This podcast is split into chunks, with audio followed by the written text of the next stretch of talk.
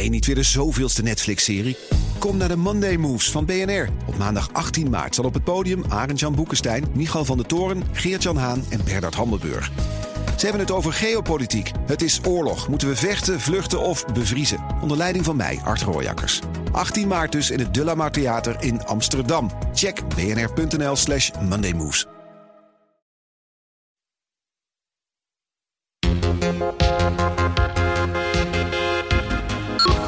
Dat is al, als ik kijk naar het periodiek systeem, hè, daar, kennen we 118 elementen. Dat is al. Uit scheikundelessen? Ja, dat is al een derde, is nu al critical. En, en van die 118 zijn er ook een aantal gassen, dus daar hebben we het hier niet eens over. Dus uiteindelijk is het percentage metalen. Uh, is, uh, is misschien wel 50% van wat er in de uh, in het periodiek systeem als een metaal wordt geïdentificeerd. Dus dat is uh, significant. En, en, mijn voorspelling is, eerlijk gezegd, dat bij de volgende update over twee of drie jaar. dat dat percentage of dat aantal critical raw nog gewoon verder gaat toenemen.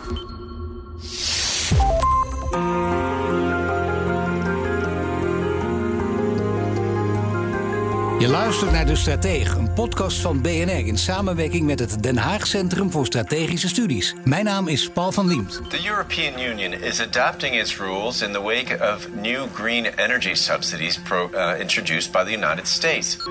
The EU imports 90% of rare earths and magnesium it uses from China.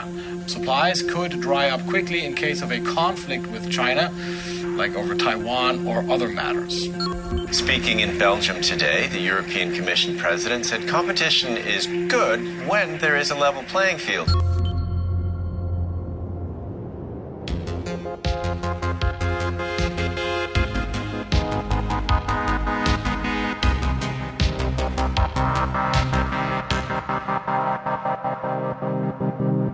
Europa wil minder afhankelijk worden van landen zoals China op het gebied van kritieke grondstoffen. En daarom heeft de Europese Commissie inmiddels de Critical Raw Materials Act gepresenteerd. Die moet zorgen voor meer strategische autonomie op dit vlak. De ambities zijn torenhoog. Europa wil echt een speler worden in deze industrie. En daarvoor moet er heel veel gebeuren. Maar is dat wel haalbaar? En zo ja, hoe kan Europa er toch aan voldoen? Dat ga je horen in deze aflevering van De Stratege. Van mijn twee gasten, Michel Rademaker, medeoprichter van het Den Haag Centrum voor Strategische Studies. En Jeff Amuschie-Toe. Hij is directeur bij handelsmaatschappij WMC Energy en strategisch adviseur van het Den Haag Centrum voor Strategische Studies. We get 98% of our rare earth supply from China. 93% of our magnesium from China. 97% of our lithium from China. And you can continue this list. Nou, kijk eens even. Ja, dat doet ze dan maar niet natuurlijk, mevrouw van der Leyen. Want dan hebben we een hele uitzending nodig. Maar dit zegt natuurlijk al iets. Europa wil dus echt een speler worden in deze industrie. We hebben het er al vaker over gehad, ook in de strategie. Want we vinden het een heel belangrijk onderwerp. Maar uh, Jeff, wat wil Europa nou precies? Ja, Europa wil eigenlijk minder afhankelijk worden, minder kwetsbaar worden van uh, een, laten we zeggen, één enkel land. en dat is op dit moment China. Um, tegelijkertijd heeft Europa zich gecommitteerd aan een aantal doelen, bijvoorbeeld in het kader van klimaatsverandering. De Green Deal. De Green Deal. En daar heeft het groene technologieën voor nodig om die energiemix minder zwaar te laten wegen naar fossiele brandstoffen en meer te laten wegen naar uh, renewable energy, dus hernieuwbare vormen van energie. Ja, Van der Leyen zei ook, hè, de race om technologie vindt wereldwijd plaats en zo. Dat is dit onderdeel van. Maar dan gaat het ook om de percentage. Dus bijvoorbeeld, of bijvoorbeeld 10% mining in Europa, 50% recycling, 40% processing, verwerking dus. Is dat de verhouding waar je nu van uitgaat die ook onveranderlijk is de komende tijd? Nou, het, het, ik, ik, mag hopen dat het uiteindelijke doel is om die percentages te verhogen. Uh, maar je moet natuurlijk ook realistisch zijn. En de vraag is in hoeverre je die afhankelijkheid kunt verminderen over de komende zeven jaar. Als je kijkt naar die percentages, die zijn targets voor 2030. En de bedoeling is om na 2030 die percentages hoger te maken. Maar het duurt gewoon even. Dus vandaar dat die percentages op 10% staan bijvoorbeeld. Want je kunt niet zomaar even een mijn aanzetten. Nee, dat is inderdaad heel duidelijk. Ja, daar komen we zo nog over te spreken. Hoe ziet die hele keten eruit trouwens van grondstoffen? Ja, uh, over het algemeen. Hè, dus een, een typische waardeketen voor uh, grondstoffen is... je hebt een, een mijn, mijnproject. Daar worden grondstoffen gedolven in de vorm van erts Uh, vervolgens gaan die ertsen naar een concentratiefaciliteit, waar dan uh, geconcentreerd materiaal uit voortkomt. Daarna worden die geconcentreerde ertsen of, of gesteentes worden dan chemisch verwerkt tot wat ze in het Engels chemical compounds noemen. Dat is gewoon een chemisch goedje. Uh, en die, die chemische producten die kun je vervolgens brengen in de componenten van de uh, eindapplicaties. Dus bijvoorbeeld een batterij of uh, een semiconductor, noem het maar op. Nou ja, je hebt ze dus vooral nodig, al die grondstoffen voor die batterijen, voor zon en wind, voor, voor windmolens, anders dan kan het gewoon niet. En zonnepanelen. Want als we die niet hebben, dan, dan zijn we hopeloos verloren in deze, deze nieuwe wereld. Maar de belangrijkste grondstoffen, Michel, wat zijn hierin dan de belangrijkste grondstoffen? Nou, de EU heeft uh, heel recent, ook samen met de Critical Raw Materials Act, uh, een hernieuwde lijst uitgebracht. Het zijn er 34.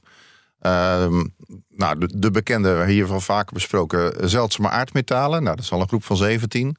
Uh, maar ook lithium, ehm, nikkel en een aantal andere. Ehm, dus uh, dat is al, als ik kijk naar het periodiek systeem, hè, daar, daar, kennen we 118 elementen. Dat is al. Uit scheikunde Ja, dat is al een derde, is nu al critical. En, en van die 118 zijn er ook een aantal gassen, dus daar hebben we het hier niet eens over.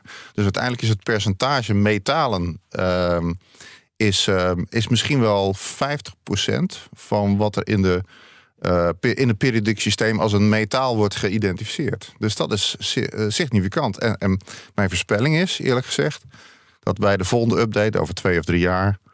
Dat dat percentage of dat aantal critical raw materials nog gewoon verder gaat toenemen. Ja, nog verder gaat toenemen. Ja. Maar als je dan toch een voorspelling doet, uh, met hoeveel? Nou, een stuk of vier, vijf voor metalen wel, denk ik. Ik, ik had ja. eigenlijk al later, ik had het pas al een keer aangegeven.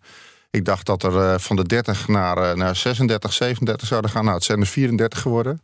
Maar ik geef je wel een briefje dat er over een paar jaar weer een paar bij komen. Ja, nou, een briefje krijg ik net, dus nee, dan kunnen we in ieder geval tegen die tijd erover praten. Belangrijk is wel, als we nu voordat over de Europese strategie praten, Michel, je hebt hier vaker over gesproken bij ons. Niet voor niets dat we hier vaak en veel aandacht aan besteden. Maar jij bent er al veel langer mee bezig. In het begin als een soort roepen in de woestijn. Hoe komt het dat het eerst eigenlijk niet werd opgemerkt en nu vol in de aandacht staat? Nou ja, het, het, is natuurlijk eh, wat esoterisch in een, in een land waar we postmodern uh, denken van het komt allemaal wel goed en uh, de vrije markt die lost het wel op. Nou, punt 1, de conclusie is natuurlijk, er was toen ook al eigenlijk van de vrije markt bestaat niet echt. Maar daarnaast zie je ook dat, nou, onder andere China, maar dat geldt voor meer landen, uiteindelijk zich aan het voorbereiden zijn om ook aan de economische kant oorlog te voeren. En dat gebeurt ook gewoon. Uh, en daarbovenop zie je nu sinds een jaar dat, dat Rusland-Oekraïne-oorlog ook duidelijk heeft gemaakt dat die afhankelijkheden, niet alleen van, van olie en gas, maar uiteindelijk ook van grondstoffen, uh, doorspeelt in de, in de handelsrelaties. We zijn ruw wakker geschrokken uit, uit een droom, ja. waar we een beetje in wegsukkelden. Ja, kijk, weet je, we hebben, we hebben in 2009 of zo heb ik de eerste uh, onderzoeken mogen doen. En vervolgens in de jaren vijf helemaal stil geworden. Zo van, nou ja, weet je, het zal wel, het zal wel loslopen. En nu komt het drie keer zo hard terug. In combinatie met de ambities die de EU op het gebied van de Green Deal heeft gezet. Maar ook digital transformation. En sinds heel recent staat daar dus ook de defensie en, en ook space als wat ze dan in de Critical Raw Materials uh, Act noemen, uh, strategic project. Precies. Nou, dan gaan we praten over die Europese strategie. Want mijnen, verwerken, recyclen. Europa wil allemaal uh, veel meer gaan doen op die terreinen, Jeff. Maar hoe hoog lag de ambitie van Europa op, op het niveau voorheen om even toch een, een perspectief te kunnen zien? Ja, kijk, uh, in het midden van uh, de coronapandemie is uh, Europa met de Green Deal gekomen. En uh, ik zat op dat moment in Zuidoost-Azië en ik zag het en ik dacht van yes, dit, dit is het teken waarop Europa nu die inhaalslag gaat maken met China. En ik gaf Europa een goede kans om de nummer twee te worden in de wereld. Nou, die Green Deal is aangekondigd. Um, en uh, Europa heeft uh, met name gekozen voor een soort van, als je, als je het zegt van een carrot en een stick methode, voor de stick methode, waarbij ze dus uh, de Europese autofabrikanten eigenlijk penalties opleggen op het moment dat ze dus niet hun vloot eh, duurzamer maken. Dus de enige manier waarop je dat kan bereiken is door uh, elektrische auto's te gaan produceren. Ja, dus wel de stok, maar niet de wortel. Niet de wortel. En um, ik had daar echt goede hoop voor. Maar dat heeft toen op een gegeven moment stilgelegen. We komen uit die pandemie. En um, uh, het lag, het lag lange, lange tijd stil. En um, in augustus vorig jaar heeft Biden toen vervolgens zijn visie en zijn uh, wetgevingspakket gepresenteerd onder de Inflation Reduction Act. Ja, en toen uh, zag je echt de hele industrie gelijk naar Amerika kijken. En uh, liet men eigenlijk Europa een beetje links liggen, omdat men Europa traag vond. Ja, maar Europa moet wel mee. Dat is het goede nieuws voor de hele wereld, kun je zeggen. Als je dan toch denkt in termen van energietransitie. Zeker. Tot een groot gevecht en hier zijn we allemaal in verder. En China is ook behoorlijk ver. Want Europa is ambitieus, Michel, daar ben je blij mee. Met die ambitie, die enorme ambitie. Ja, en, en um, het, het zet eigenlijk uh, de standaarden of de nieuwe benchmarks, laat ik het zo uh, zeggen, voor, voor landen zelf. Hè. Kijk, uh, als je naar Nederland kijkt, maar dat geldt voor andere landen ook. vind het heel ingewikkeld om te zeggen, nou, we gaan voor zoveel procent. En nu komt er een act en ik hoop dat die wordt geaccepteerd. En dat betekent in ieder geval op Europees niveau dat je gewoon zegt, nou, we moeten bijvoorbeeld 10% van onze kritieke materialen moeten we uit Europa minen. En dat kan op twee manieren overigens. Dat is ehm, uit een echte mijn. Of via deels ook recycling. En dat is dan het andere percentage. Dat is 15% recycling. Maar als je naar kritieke materialen kijkt op dit moment.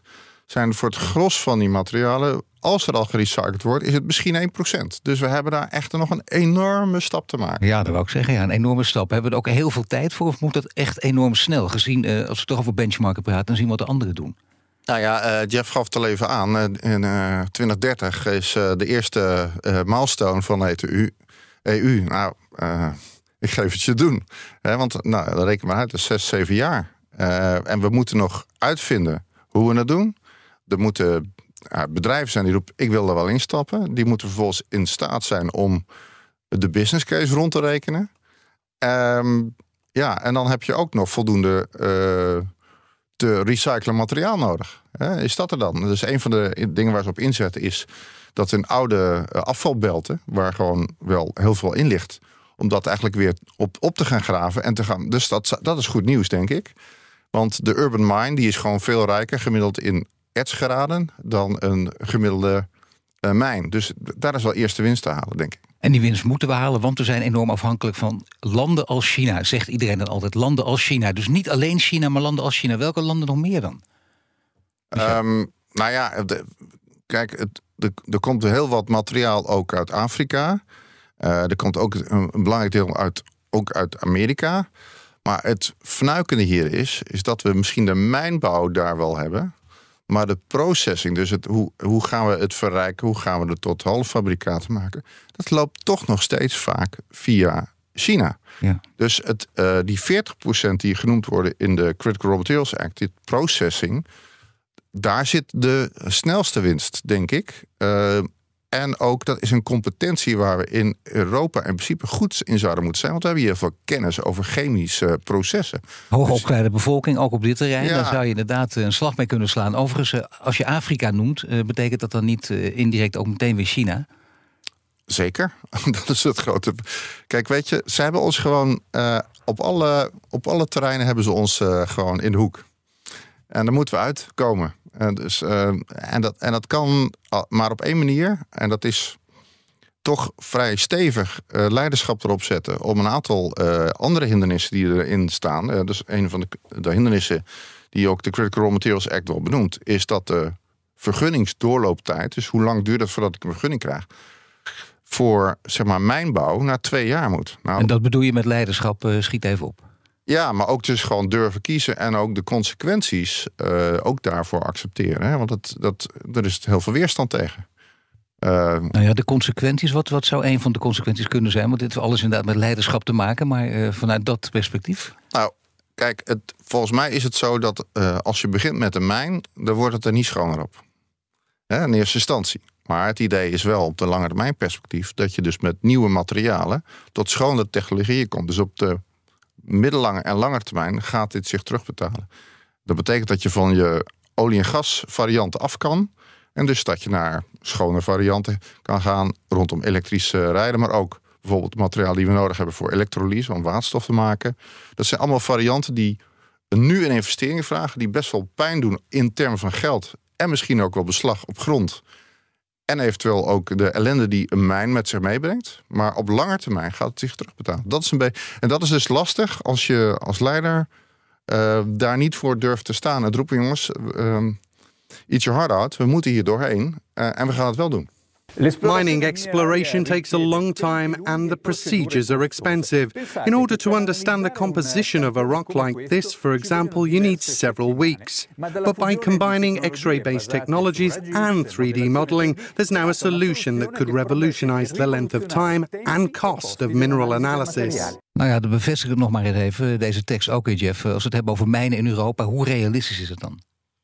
Ja, kijk, er zijn een aantal um, jurisdicties in Europa die uh, als mijnvriendelijk uh, bestempeld kunnen worden. Dus uh, Finland, Zweden, Noorwegen. Maar er zijn uh, genoeg lidstaten waar, zoals Michel ook al aangaf, waar de, het NIMBY-gedrag, not in my backyard, ehm, gedrag behoorlijk hoog is. Um, we noemden net al dat de Critical Raw Materials Act die permitting timelines, dus die vergunningen uh, tijdlijnen wil verkorten. Dat is allemaal heel mooi, maar we hebben in Europa wel zoiets als trias politica. Je hebt een wetgevende macht, die heeft nu bepaald, we gaan die, uh, die tijdlijnen korter maken.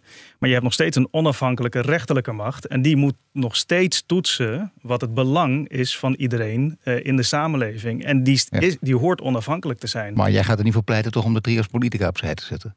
Helemaal dat, niet. Dat zou een hele interessante uitspraak zijn. Nee, helemaal niet. Absoluut niet. Dat is een van de, van de dingen die wij uh, in Europa hebben ontwikkeld, historisch gezien. Uh, en daar mogen we trots op zijn. Maar ik geef alleen wel aan dat je daarmee dus rekening moet houden. Uh, en dat het niet vanzelfsprekend is dat uh, vanaf nu alle vergunningen binnen 24 maanden geleverd gaan worden. Nee, maar goed, dat is leiderschap, zegt uh, Michel ook al. Dat kan te maken hebben met alles afwegende. Dat je nu zegt, wacht even, we moeten nu doorpakken. We hebben die en die argumenten daarvoor. Je neemt mensen mee, zo gaat het dan als een goede leider. En dan kun je alsnog zorgen dat die vergunningen heel snel verstrekt worden. Of denk jij dat dat gewoon toch te veel wensdenken is?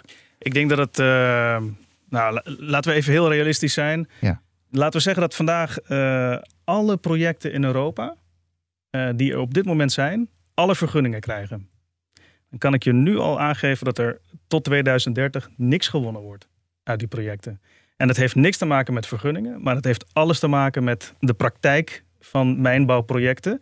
En dat is dat je eerst moet uh, weten wat je in de grond hebt, hoeveel je in de grond hebt, of je het er economisch uit kan halen. Vervolgens ga je dan graven ernaar. Uh, en heb je heel veel vertragingen. Dat, geen enkel mijnbouwproject is op tijd.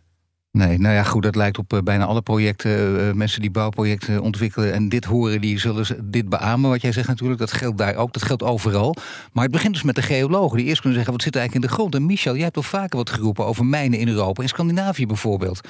Daar kwam ook heel veel publiciteit later ook over, inderdaad, in Zweden. En er ligt van alles, misschien zit er bij ons wel van alles in de grond. Moeten we daar niet flink onderzoek naar laten doen door geologen, of is dat al gedaan?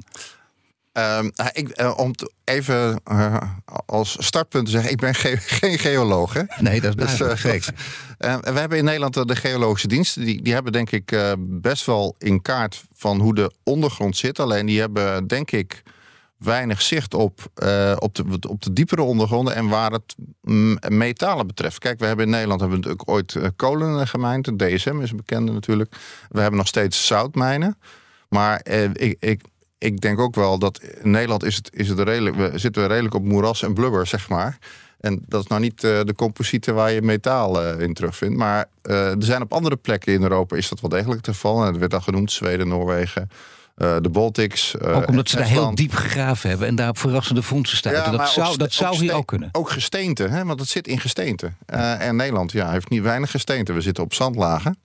Maar het, het, zou dus, het is zeker wenselijk. Ik denk ook dat dat gaat gebeuren. Dat uh, dat, dat vanuit de EU en wellicht ook vanuit landen gestimuleerd wordt om dat geologisch onderzoek te doen. Om te kijken waar die erts uh, beschikbaar is. Uh, nou ja, als daar, geweldige, als daar geweldige verrassingen uitkomen... Dan, uh, dan zou je wel gek zijn om daar geen gebruik van te maken. Maar ja, dan nog heb je te maken... ik bedoel niet als grapje, maar daar komt het wel op neer... met dat juridisch mijnenveld dus over die mijnen gaat. Want dat is het natuurlijk. Ja, zeker. En ik denk, ja. ook, ik denk ook dat we kunnen leren van...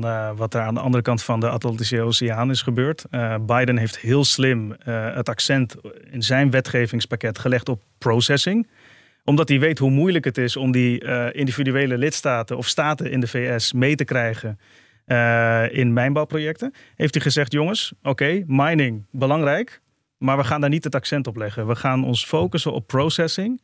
Uh, op het verwerken van goederen. En dat stelt ons in staat om eigenlijk die grondstoffen te halen uit andere jurisdicties, bevriende jurisdicties, met wie we vrijhandelsakkoorden hebben. Landen als Australië, Canada? Australië, Canada, uh, Chili um, uh, en sinds kort ook Japan.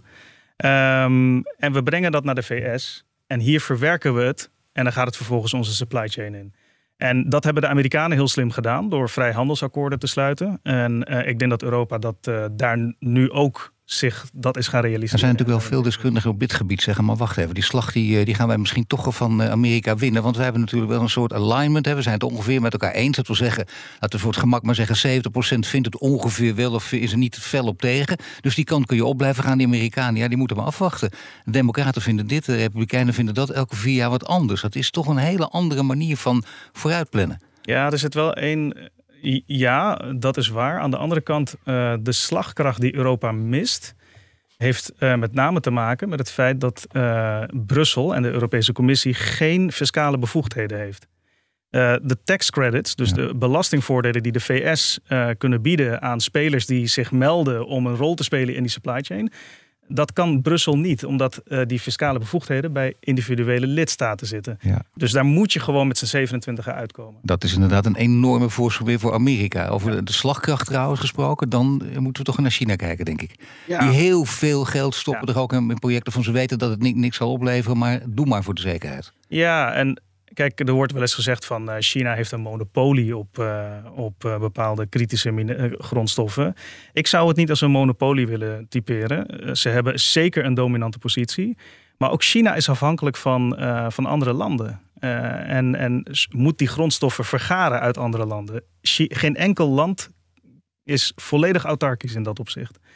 Um, en ik denk dat we, dat we daar ook van kunnen leren. Maar waar is China dan nog afhankelijk van? Want dat willen we toch wel graag weten. Met ASML hebben we, ik zou bijna zeggen, gelukkig vanuit ons perspectief gezien dat China niet alles kan. Ja. En dat Nederland een grote rol speelt. En ASML inderdaad die speelbal werd. Maar waar is China dan nog meer afhankelijk van? Nou, een heel goed voorbeeld is uh, kobalt, uh, lithium.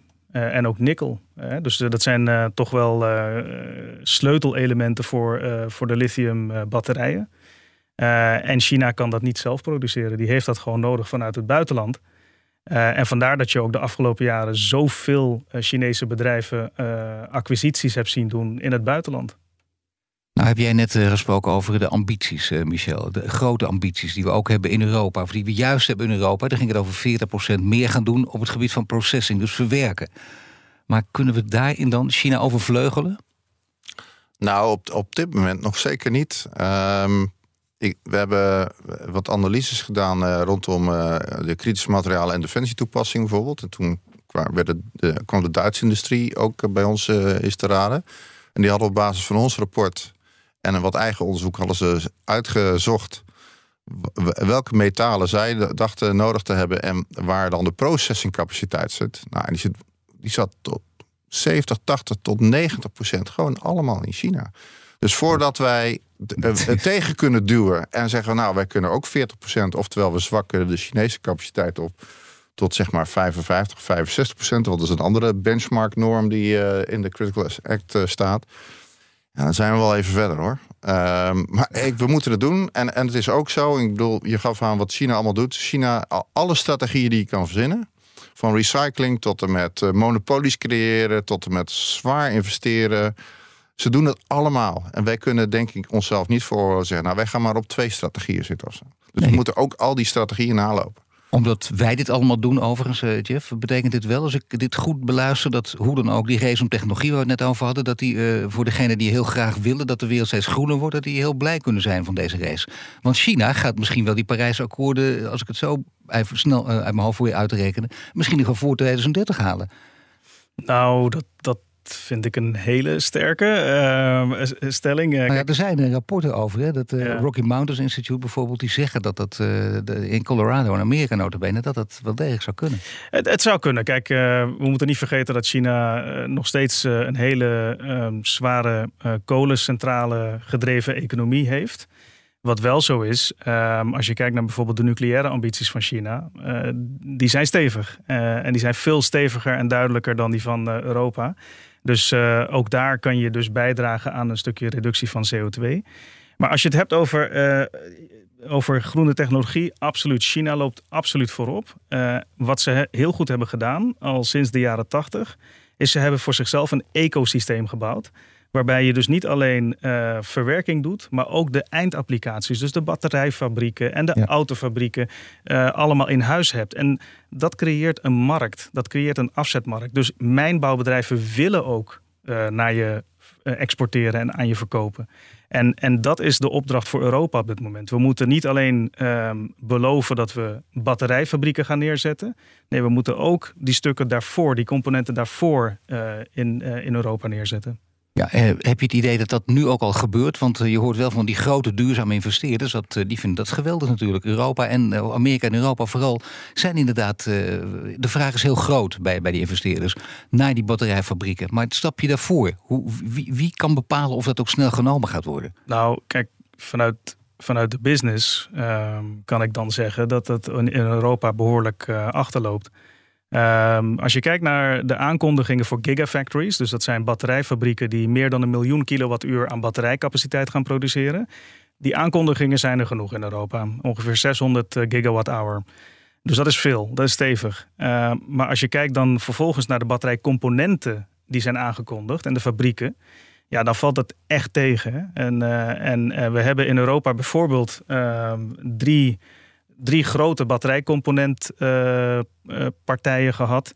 Dat zijn BASF, dus BASF, Umicore en Johnson Matthey. Nou, Johnson Matthey is anderhalf jaar geleden failliet gegaan. tenminste, heeft gezegd van wij gaan de boel verkopen, onze, onze batterijtak. omdat ze het gewoon niet financieel rond konden krijgen. En dan hou je nu dus eigenlijk uh, Umicore en, uh, en BASF over. Uh, en BASF heeft, heeft onlangs ook gezegd van als Europa niet snel wat doet aan de situatie, dan, ja, dan zullen we nog een keer moeten nadenken over onze strategie in Europa en hoe we ver, verder kunnen groeien in Europa. Nou ja, dat is in ieder geval een behoorlijke druk die er opgezet wordt en zo. Wat kan Europa dan het beste doen? Wat, wat moet, moet je, is het toch handig om de democratie af en toe even opzij te zetten? Nee, nee kijk, wat, wat ik we kunnen denk ik gewoon echt leren van, van hoe andere uh, landen dat doen. En in dit geval, um, Amerika is ook een democratisch land. Wat de Amerikanen heel duidelijk hebben gedaan, is ze hebben twee groepen duidelijk, concreet aangegeven waar zij belastingvoordelen kunnen krijgen. Dat is enerzijds mensen die geld willen stoppen in de productie van groene technologieën. dus dan krijg je investment credits. En anderzijds de mensen die het willen bouwen. Uh, en dat is heel duidelijk. En het is uh, vorige week nog een keer door de IRS, dus de, de, de, het ministerie van Financiën, de Belastingdienst in Amerika, is dat nog een keer uitgelegd. Het is heel duidelijk waar je credits voor gaat krijgen. En dat stukje duidelijkheid ontbreekt nog op dit moment in Europa. De goede intenties zijn er, en dat is een begin. Alleen het is nog onduidelijk waar het geld vandaan gekomen en voor wat. Precies. En die hoeveelheid geld is dus heel erg belangrijk. Want die IRA die werd eerst geschat geloof ik op, eh, op rond de 400, 300, 400 miljoen dollar. Maar eh, met heel veel open einde regelingen zeggen mensen dan weer. Daar moet je goed naar kijken. En dan kom je veel hoger uit. Misschien wel op het dubbel of nog meer. Ja, dat, dat, is heel goed mogelijk inderdaad. En, en Europa heeft wel bedragen genoemd in, in een ander stukje wetgeving... dat onderdeel is van die Green Deal. Uh, de, de Net Zero Policy Act...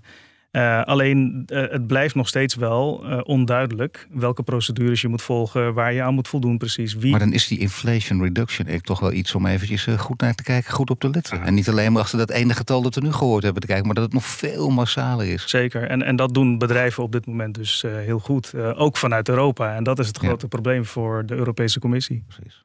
To meet the Paris Climate Agreement goals, the demand for lithium in 2040 will increase 42 times compared to 2020.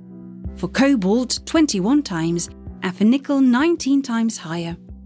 For all these energy transition metals, Europe is almost 100% reliable on imports from mines outside Europe. Ja, een beetje, Jeff, waar we het over gehad hebben. Hè? Goed voor de strijd tegen klimaatverandering. Heeft het ook te maken met, uh, met het vervoer van al die schadelijke stoffen? Um, voor een deel wel. Kijk, um, en dit is dan het uh, paradoxale aan Europa. Europa heeft dus uh, enerzijds uh, zo'n lijst met kritische mineralen gepubliceerd. Daar staat lithium bijvoorbeeld op. het heeft ook expliciet gezegd dat lithium heel belangrijk is voor de energietransitie. En vervolgens heeft het ligt er nu wel een voorstel klaar om, om uh, lithium uh, te bestempelen tot highly classified dangerous good. Met andere woorden, dus een heel gevaarlijk goedje. ja. waar speciale regels voor de behandeling en het transport en de overslag voor moeten komen. Ja, en dat zijn van die gemengde signalen die de industrie niet helpen. Nee, maar dit, dit, is niet te helpen. Dat is heel voorzichtig en keurig netjes uitgedrukt natuurlijk. Maar echt onvoorstelbaar. Ik bedoel, je ziet dat er een grote race gaande is, dan kan dit gewoon niet. Zeker niet in deze volgorde en in dit langzame tempo. Ja, ja mee eens. Uh, mee eens. ja, nee, mee eens. Maar dat, dan zou je dit willen breken. Het gaat natuurlijk over nu eh, de strijd van, uh, dat hebben we heel vaak. Er is een grote omwenting, komt eraan. Het zijn, de mooie woorden moeten in daden worden omgezet. En we zien dat leiders dat vaak minder interessant vinden. De uitvoering, die gooien over de schutting, dat mogen de anderen doen. Wij zijn er voor de, voor de grote strategie, dat klopt ook. Maar je ziet dat de uitvoering, ja, als het daar steeds aan schort en in misgaat... dan moeten, moeten leiders zich daar ook niet nadrukkelijker mee gaan bemoeien dan. Ja, zeker. Veel meer dan ze voorheen deden. Absoluut. En ik denk dat het, ehm, kijk, wat, dat is eigenlijk wat Michel en ik ook proberen te doen. We proberen een stukje, ehm, ja, educatie klinkt zo paternalistisch, maar we proberen wel een stukje uh, uh, bewustzijn te creëren bij de mensen die uiteindelijk gaan over het beleid. Uh, om het gevoel van ehm, angst weg te nemen bij uh, mijnbouw en, en processing. En merken jullie dat het gevoel van angst er nog is? Misschien zelfs uh, te weinig kennis ook bij degenen die erover gaan op dit gebied? Ik denk dat het. Uh, men, men begrijpt de grote lijnen wel. Maar ik denk dat het heel goed zou zijn om ehm, zeg maar een, een, moment in te bouwen. Ehm, waar, waarin je ook de industrie laat spreken over de eh, bottlenecks die er nu zijn in de supply chain. Dus maar hoe moet ik me dat voorstellen, Michel? Ik weet niet of je dat mag zeggen, maar kom je dan bij een minister of een SG en dan uh, zeg je: ga zitten, je krijgt van mij een mini-college? Nee, ik kom dagelijks bij de minister. nee, dat is niet het geval. nee, maar het gaat over, we hebben over de leiders die bepalen. Ja, nee, gaat, gaat, het op het niveau mini-college en dat ze dan denken: daar gaan, de, de, ogen worden geopend? Nou ja, kijk, de, de, de ministers worden, worden eh, denk ik, gebriefd door de ambtenaren. En wij doen regelmatig wel projecten voor ambtenaren, laat ik het zo zeggen. Kijk, een van de, projecten die op dit moment loopt, is dat wij uh, gevraagd zijn om te kijken van welke Nederlandse bedrijven zouden nou überhaupt in die waardeketen eventueel een extra rol willen pakken. En wat is daar dan voor nodig vanuit hun optiek? Als support van de overheid. Nou, de, de voorbeelden zijn al gegeven. Uh, garantiestellingen, financieringsmogelijkheden, vergunningen, uh, diplomatie. Um, dus op die manier, zeg maar, door het, het maken van rapportjes of het uh, organiseren van podcasts zoals deze, waarvan ik weet dat sommige bewindslieden er ook wel naar luisteren. Weet je, hoop ik dat we dat bereiken. Kijk, ik zou het wel heel mooi vinden als ze masterklassen zouden kunnen geven waar, uh, waar mensen zich op zouden kunnen intekenen. Die, die hebben wij op dit moment niet op de plank. Nee, maar ze kunnen veel beter naar de stratege luisteren. ja, mag gelijk natuurlijk. Nee, dat is inderdaad waar. Dankjewel, heren. Michel Rademaker, medeoprichter van het Den Haag Centrum voor Strategische Studies.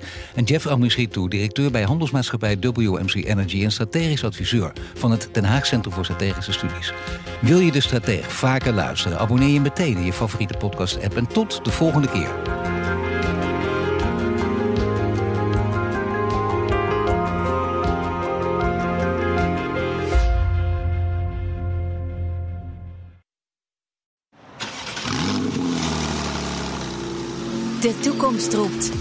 Minder CO2. Lies je mee? Dit is het moment om te kiezen voor de Tesla Model 3, Toyota Pro-Ace Electric of Volkswagen ID3. Uitstoot verminderen doe je samen met mobilityservice.nl.